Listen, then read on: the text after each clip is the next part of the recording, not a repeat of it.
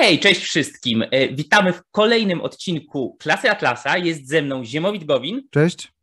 Ja nazywam się Mateusz Błaszczyk i dzisiaj będziemy zajmować się kolejnym technicznym tematem, e, kolejnym tematem związanym z szeroką dziedziną epistemologii, e, przy czym będzie to pierwszy odcinek z pewnego bloku tematycznego, czyli szczerze zachęcamy już na wstępie, aby nie oglądać dzisiejszego odcinka sobie amuzą i potem za dwa tygodnie kolejnego technicznego zupełnie oddzielnie, tylko traktować to jako pewną całość, jako pewną jedność. E, o jedności zresztą też będziemy dzisiaj mówić. Mm, I e, pamiętać z tyłu głowy, że to wszystko jest ze sobą bardzo mocno powiązane. Znacznie bardziej niż niektóre inne tematy epistemologiczne, które już omawialiśmy.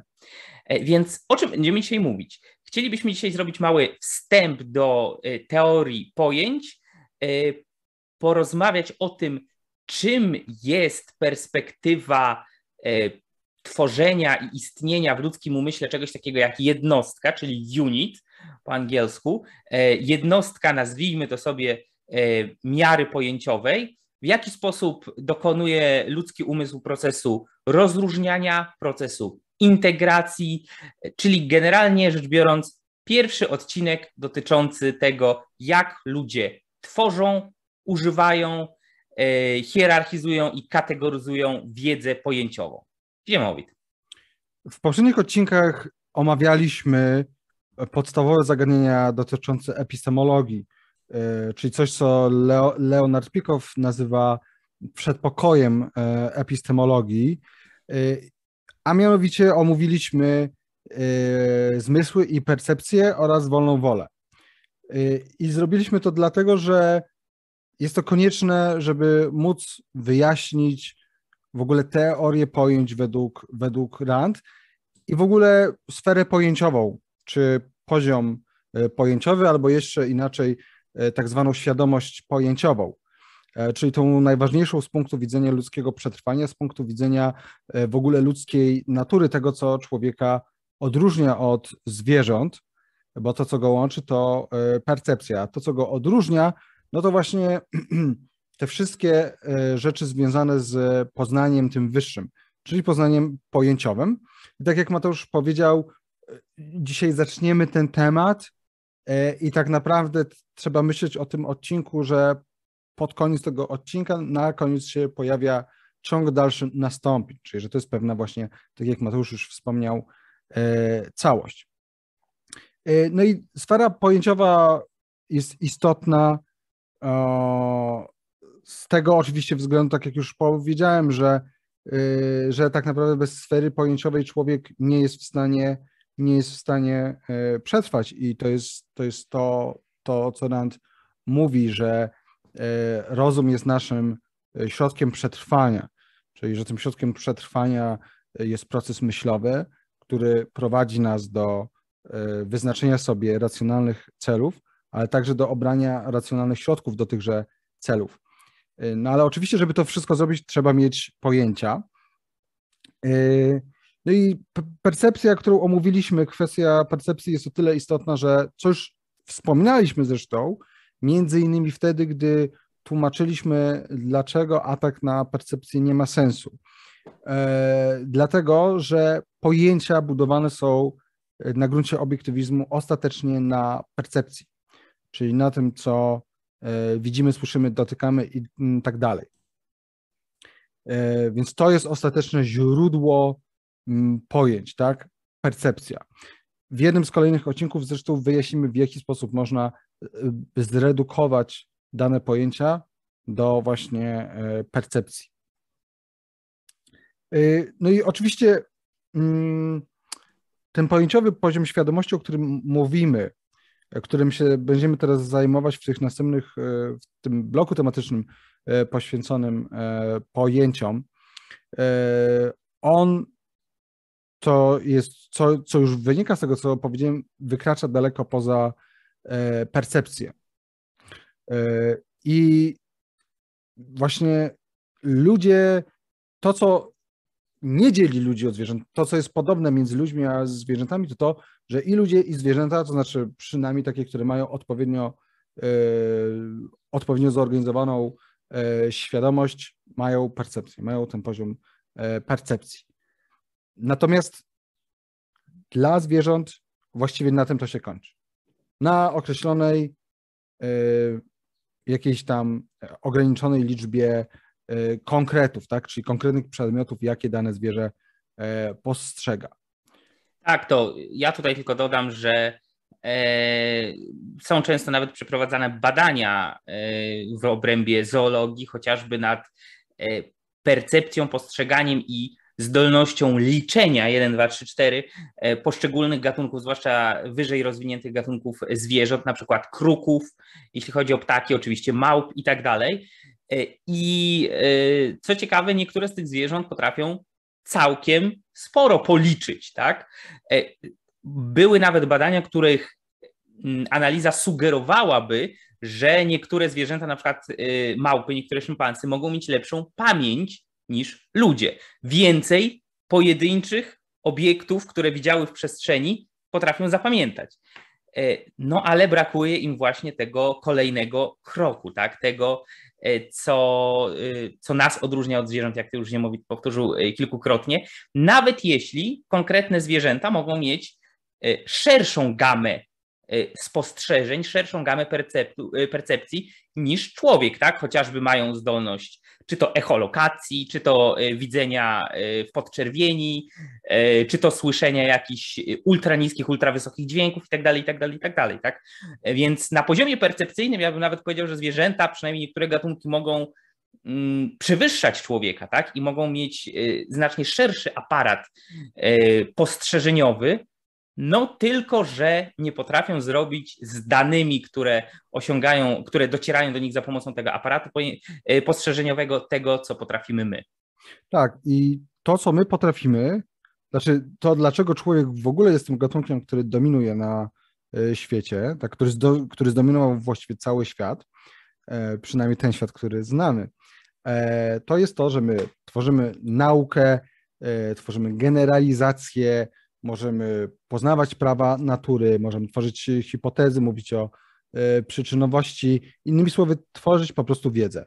Wiedzę naukową, wiedzę poza-naukową. I to jest pewien fakt. Ale dla, dlaczego jesteśmy to w stanie robić? No właśnie dzięki temu, że posiadamy pojęcia. I teraz teoria pojęć RAND służy po pierwsze temu, żeby wyjaśnić, w jaki sposób e, pojęcia są tworzone, ale ma też, i to jest ten aspekt powiedzmy bardziej taki deskryptywny, ale ma też ze sobą nie, nierozerwalnie związany aspekt normatywny, czyli dotyczący tego, w jaki sposób pojęcie się powinno tworzyć. E, o tym będziemy mówić w przyszłych odcinkach, natomiast już teraz warto to zaznaczyć, że zdaniem Rand to nie jest tak, że każde pojęcie, które, którym ludzie się posługują, jest pojęciem właściwym czy dobrze zbudowanym. I to już implicite było widoczne w wielu naszych odcinkach, gdy z Mateuszem omawialiśmy różne fałszywe dychotomie albo tak zwane pakiety pojęciowe. E, to pamiętacie, że, e, że mówiliśmy o pakietach pojęciowych, czy o różnych niewłaściwych w ogóle pojęciach, czy wręcz antypojęciach. Więc to już niejako ta epistemologia stosowana, tak to możemy nazwać już trochę, jeżeli oglądaliście tamte odcinki, to już trochę wiecie, z czym to się je. I to jest właśnie ten aspekt normatywny, czyli tego, w jaki sposób tworzyć pojęcia, bo to, co jest istotne, to to, że poziom percepcyjny człowieka jest automatyczny. Tak? My w żaden sposób nie wybieramy y, tego, w jaki sposób nasz mózg integruje dane, y, które, które są mu dostarczane. On to robi automatycznie. No my możemy co najwyżej, nie wiem, zamknąć oczy, albo, przed, albo e, uszy zatkać, tak żeby nie słyszeć, ale no na tym nasza wolicjonalność się kończy. W przypadku pojęć jest inaczej. Poziom pojęciowy jest nierozerwalnie związany z wolną wolą. Z tym, że to my musimy wykonać pewien wysiłek intelektualny, żeby pojęcie stworzyć, ewentualnie zrozumieć pojęcie, które już jest stosowane, tak jest najczęściej, i ewentualnie ocenić, czy to pojęcie jest stosowane w sposób prawidłowy, tak? Czy na przykład nie jest pakietem pojęciowym, albo właśnie antypojęciem, jak w, jak w wielu, jak w wielu e, wypadkach to e, bywa. I teraz przechodzimy do, chyba że Mateusz coś jeszcze będzie chciał powiedzieć, ale jeżeli nie, to ja bym chciał przejść do clue dzisiejszego odcinka. Być może ten odcinek nie będzie długi, ale to chcemy, żeby to było wszystko jasno wyjaśnione przez następne odcinki. Gdybyśmy wszystko włożyli do jednego, to, to byłoby trudne to po prostu ogarnąć, bo to nie są łatwe e, rzeczy, więc chciałbym przejść do e, tego, co się nazywa pojęciem tego, co istnieje, czyli existent. E, z pewnych powodów to jest trudne do przetłumaczenia. Mateusz, czy chciałbyś zacząć? Chyba, że jeszcze masz coś do dodania ogólnie, jeżeli chodzi o poziom pojęciowy świadomości. Myślę, że na razie całkiem dobrze tutaj to podsumowałeś.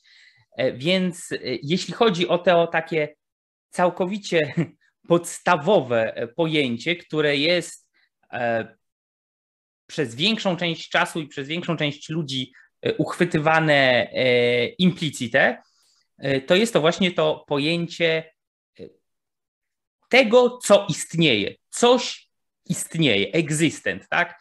To wiąże się też z tym, o czym mówiliśmy w odcinkach o aksjomatach, tak, czyli existence exists, e, istnienie istnieje, czy rzeczywistość istnieje, tak? I jest to e, w pewnym sensie pojęcie, które nawet dzieci już na poziomie implicytnym e, posiadają, ponieważ ma się świadomość tego, że coś tam jest, tak? To jest to, co w odcinkach aksjomatach ja mówiłem, że wyciągamy rękę, dotykamy, patrzymy oczami, widzimy, y, nadstawiamy ucho, słyszymy i tak dalej.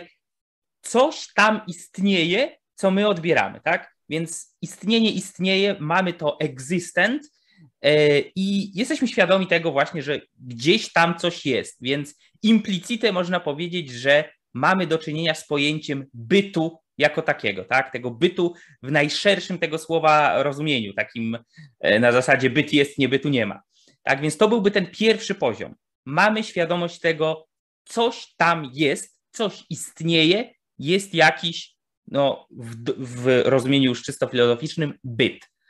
I później e, można przejść z tego e, na kolejny, drugi etap, e, który też jest e, w okresie e, dorastania człowieka kolejnym etapem e, dla dziecka w uczeniu się o świecie dookoła niego, czyli z etapu coś tam jest, coś tam wokół mnie widzę, coś tam, o jakaś tam buzia się pojawia, coś tam, coś tam, mamy jakiś byt, e, to drugim etapem jest odróżnianie między sobą poszczególnych elementów, tak? Różne przedmioty, które wchodzą ze sobą w interakcję. Jeden jest taki, drugi jest inny, tak? Mamy do czynienia e, tutaj z ludzką twarzą, tutaj z krzesłem, tutaj ze smoczkiem, tak cały czas mówię z perspektywy małego dziecka, tutaj z butelką z mlekiem. E, co więcej, jak e, coś widzimy, widzimy powiedzmy stół w kuchni, tak, dziecko, y, przy którym jest sadzane e, do karmienia codziennie rano, stół w kuchni, jak widzi ten stół po raz drugi, trzeci, czwarty, piąty, to łapie, to jest ten stół, który już tu był. Tak? To jest ten sam przedmiot, który ja już widziałem, który ja już dotykałem, który ja już obśliniłem. E, więc w ten sposób, na tym drugim etapie, e, w sposób implicite przechodzi się do uchwycenia drugiego z aksjomatu, czyli e, aksjomatu tożsamości. Aksjomat tożsamości to jest akurat trzeci, ale to w tym momencie nie ma znaczenia.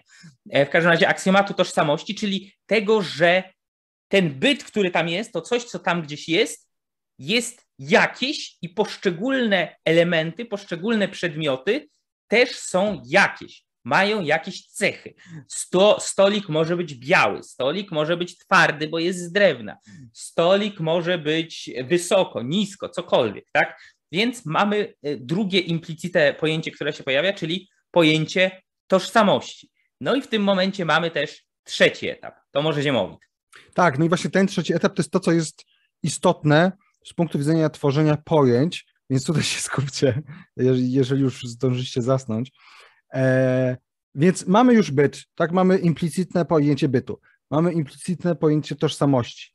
Tym trzecim etapem e, jest fakt, że dziecko zaczyna uchwytywać to, że te przedmioty, które widzi, są w jakichś relacjach między sobą. a mianowicie przede wszystkim jakoś się różnią i jakoś są do siebie podobne. Yy, czyli, że na przykład dwa stoły, jeden w salonie, drugi w yy, kuchni, są do siebie podobne, ale są różne od dwóch krzeseł, które stoją obok, które z kolei między sobą są podobne. No ja, y, zanim byśmy przeszli do krzeseł i stołów, bo to rozróżnienie jest, wcale nie jest już takie super podstawowe i oczywiste, ja bym powiedział coś prostszego, tak, że e, dwa stoły są do siebie podobne w odróżnieniu od dwóch piłek, e, które nie są do, które nie są do stołów podobne, a są do siebie podobne, tak? No okej, okay, dobrze. i tak dalej.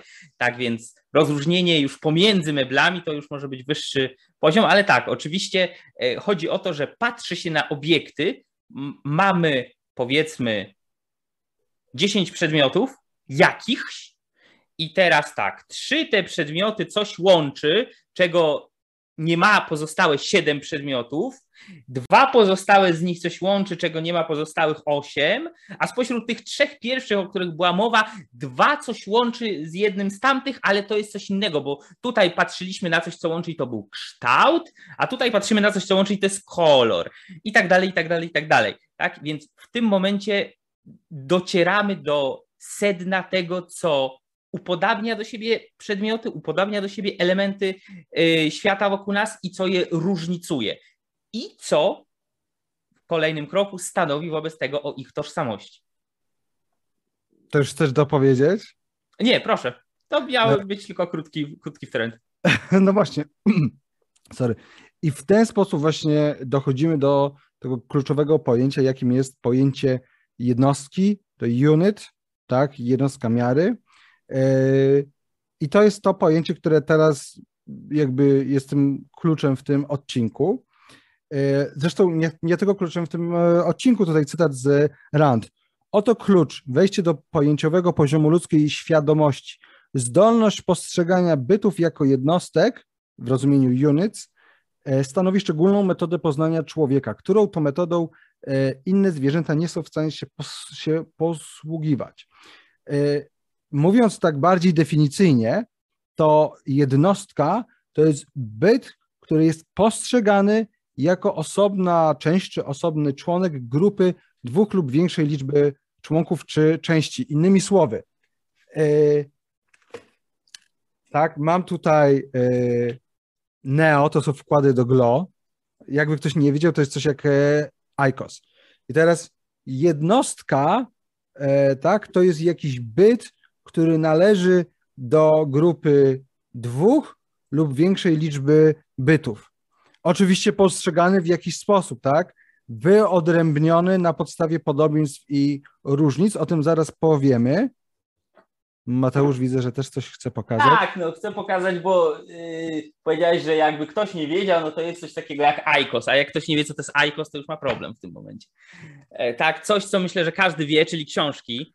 E, mamy tutaj jeden element, tak, który jest książką, drugi element, drugą, drugi przedmiot, który jest książką, a tutaj mamy, proszę bardzo, mikrofon, do którego gadam, tak? A tutaj mamy moją myszkę od komputera.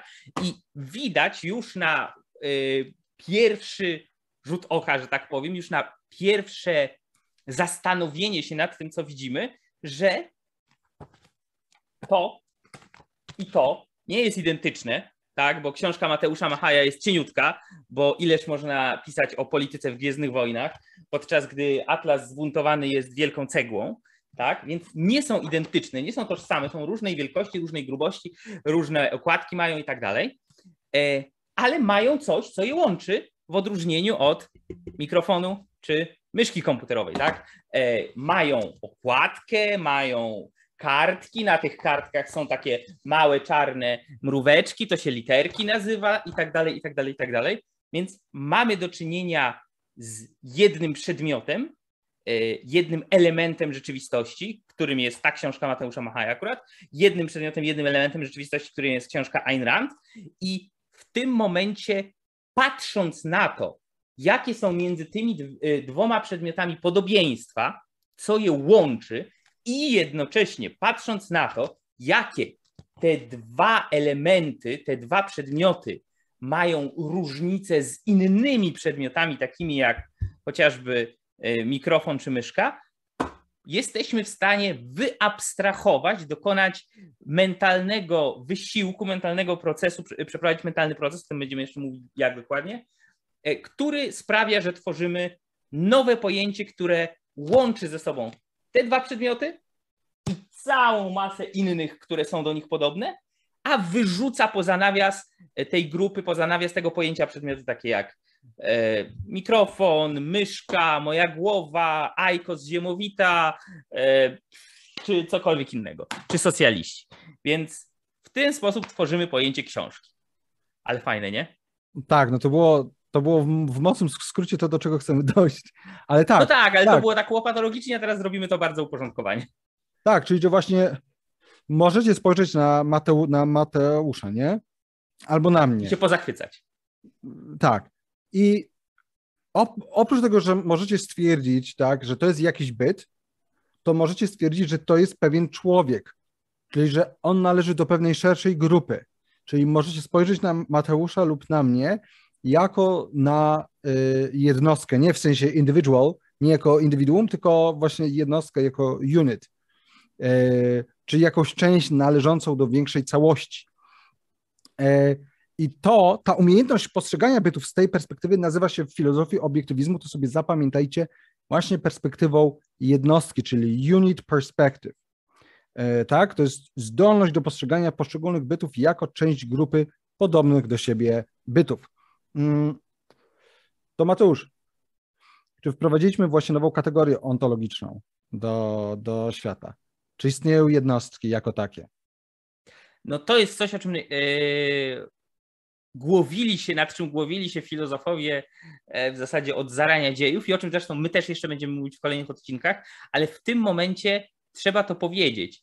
E, koncepcja czegoś takiego jak unit, jak jednostka, czyli koncepcja tego, że to jest książka, która przynależy do szerszej kategorii E, zwanej po prostu książka, jeden z elementów tejże e, kategorii, to jest w pewnym sensie, w cudzysłowie, nakładka, którą my ludzie nakładamy na świat wokół nas, na otaczającą nas rzeczywistość. Czyli to nie jest coś, co w sposób twardy i obiektywny e, istnieje metafizycznie w rzeczywistości jeśli można tak powiedzieć. Nie wiem, czy tak można powiedzieć. Istnieje rzeczywiście.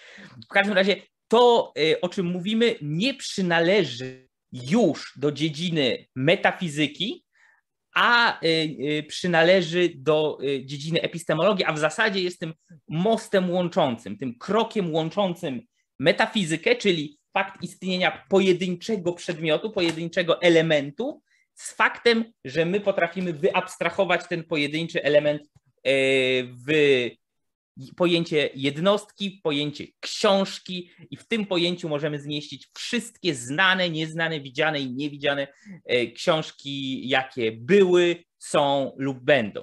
Więc e, w świecie nie istnieją, w świecie zewnętrznym nie istnieją jednostki właśnie w znaczeniu unit, istnieją konkretne pojedyncze byty, konkretne przedmioty, e, które to przedmioty posiadają swoje cechy, i działają w jakiś sposób, no bo mają własną tożsamość, tak, zgodnie ze swoją naturą.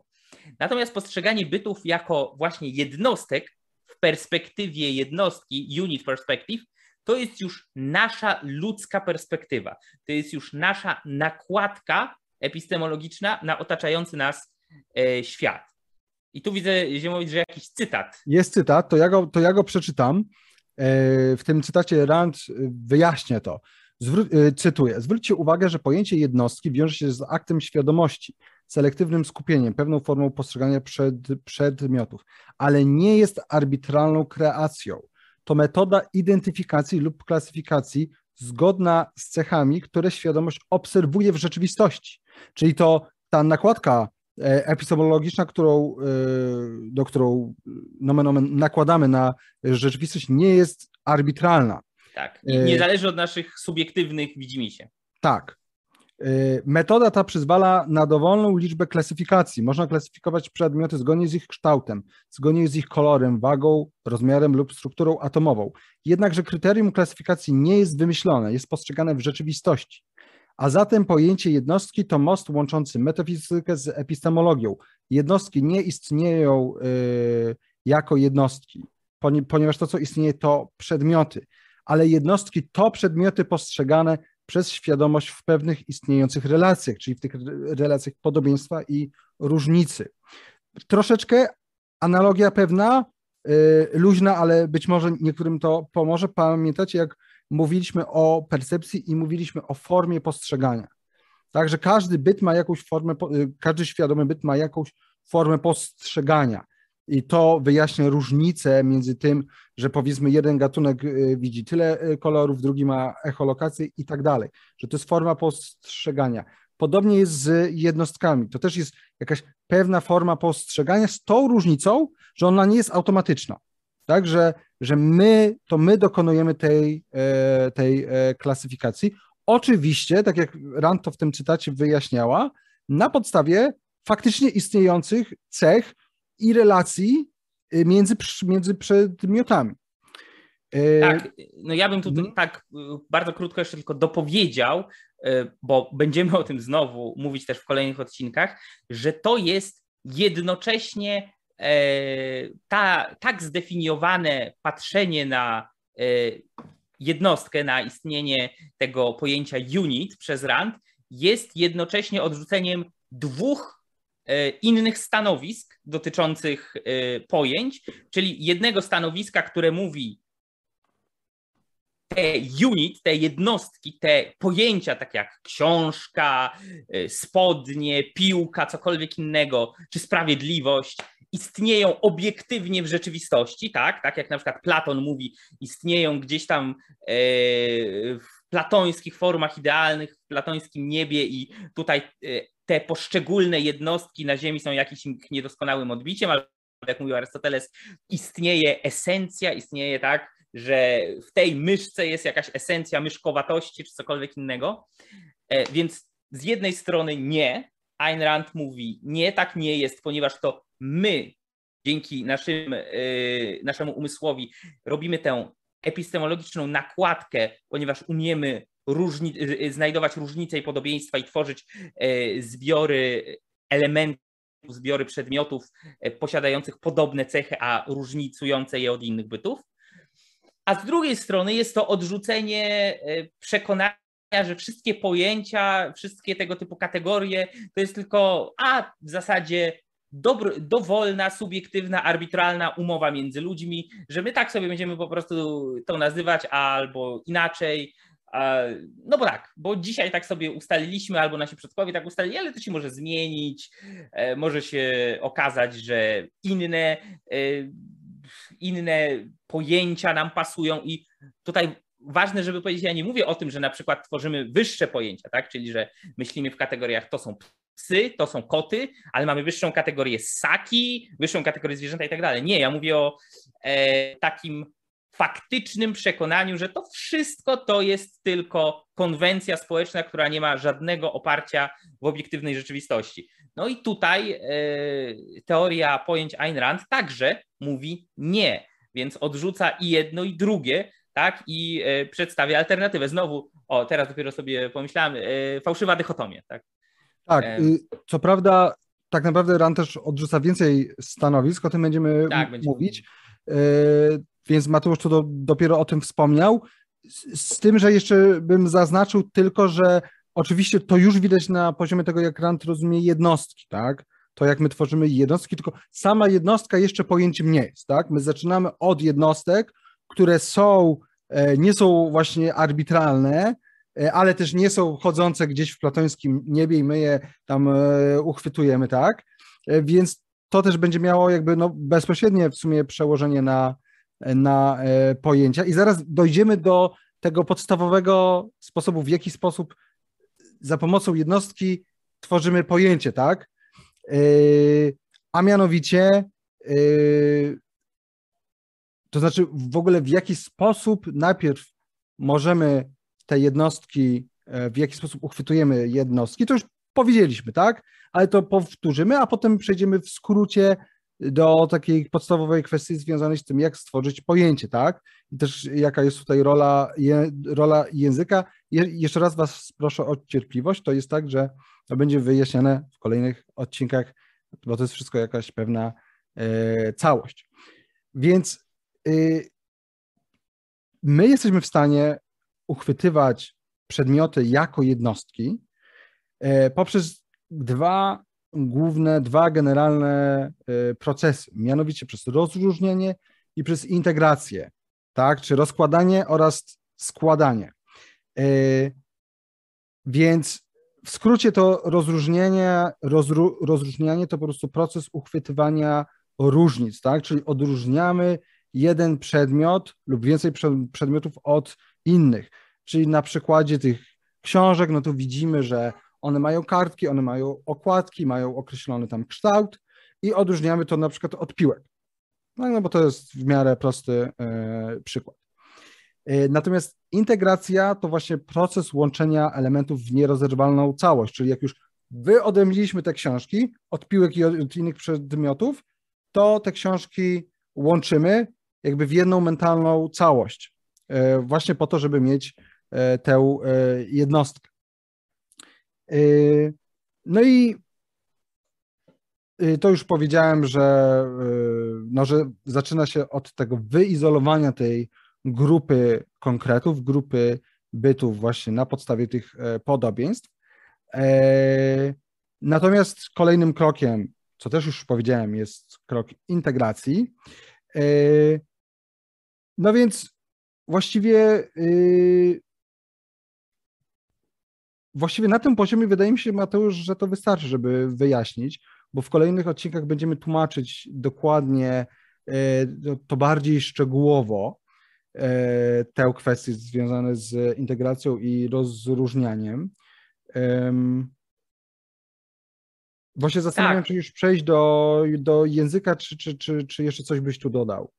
Myślę, że możemy już przejść do języka. Jedyne, co bym tu ewentualnie e, dorzucił, to takie podkreślenie, że najpierw rozróżnienie elementów od innych, potem dokonanie integracji i z tym samym stworzenie nowego pojęcia, na przykład pojęcia książka, piłka, e, sprawiedliwość, socjalista czy cokolwiek innego, e, jest procesem, który pozwala w ogóle, bo nie, nie, nie, nie wiem, czy powiedzieliśmy wystarczająco mocno, po co nam jest ten proces. Po to, że my nie jesteśmy w stanie w swoim umyśle e, jednocześnie utrzymać dziesiątek, setek tysięcy, milionów niezliczonej liczby konkretnych obiektów, konkretnych przedmiotów, konkretnych elementów. E, nie jesteśmy w stanie dokonywać żadnych operacji myślowych, w ogóle myśleć w ten sposób na szerszą skalę poza e, tylko e, myślenie post strzeżeniowe o tym, co jest y, tu i teraz przed nami, że o krzesło, to konkretne krzesło, tak? Że uderzyłem się w głowę o kant stołu albo cokolwiek innego. Więc potrzebujemy tego, aby móc grupować, przed, y, grupować przedmioty, grupować elementy e, i móc później na nich operować. A później te zgrupowane elementy możemy grupować jeszcze dalej, tak? Oczywiście. E, to wiadomo, jak mamy te krzesła, w jednej grupie, mamy te stoły w drugiej grupie, dorzucamy jeszcze szafy, szuflady, półki, coś tam i mamy kategorię meble.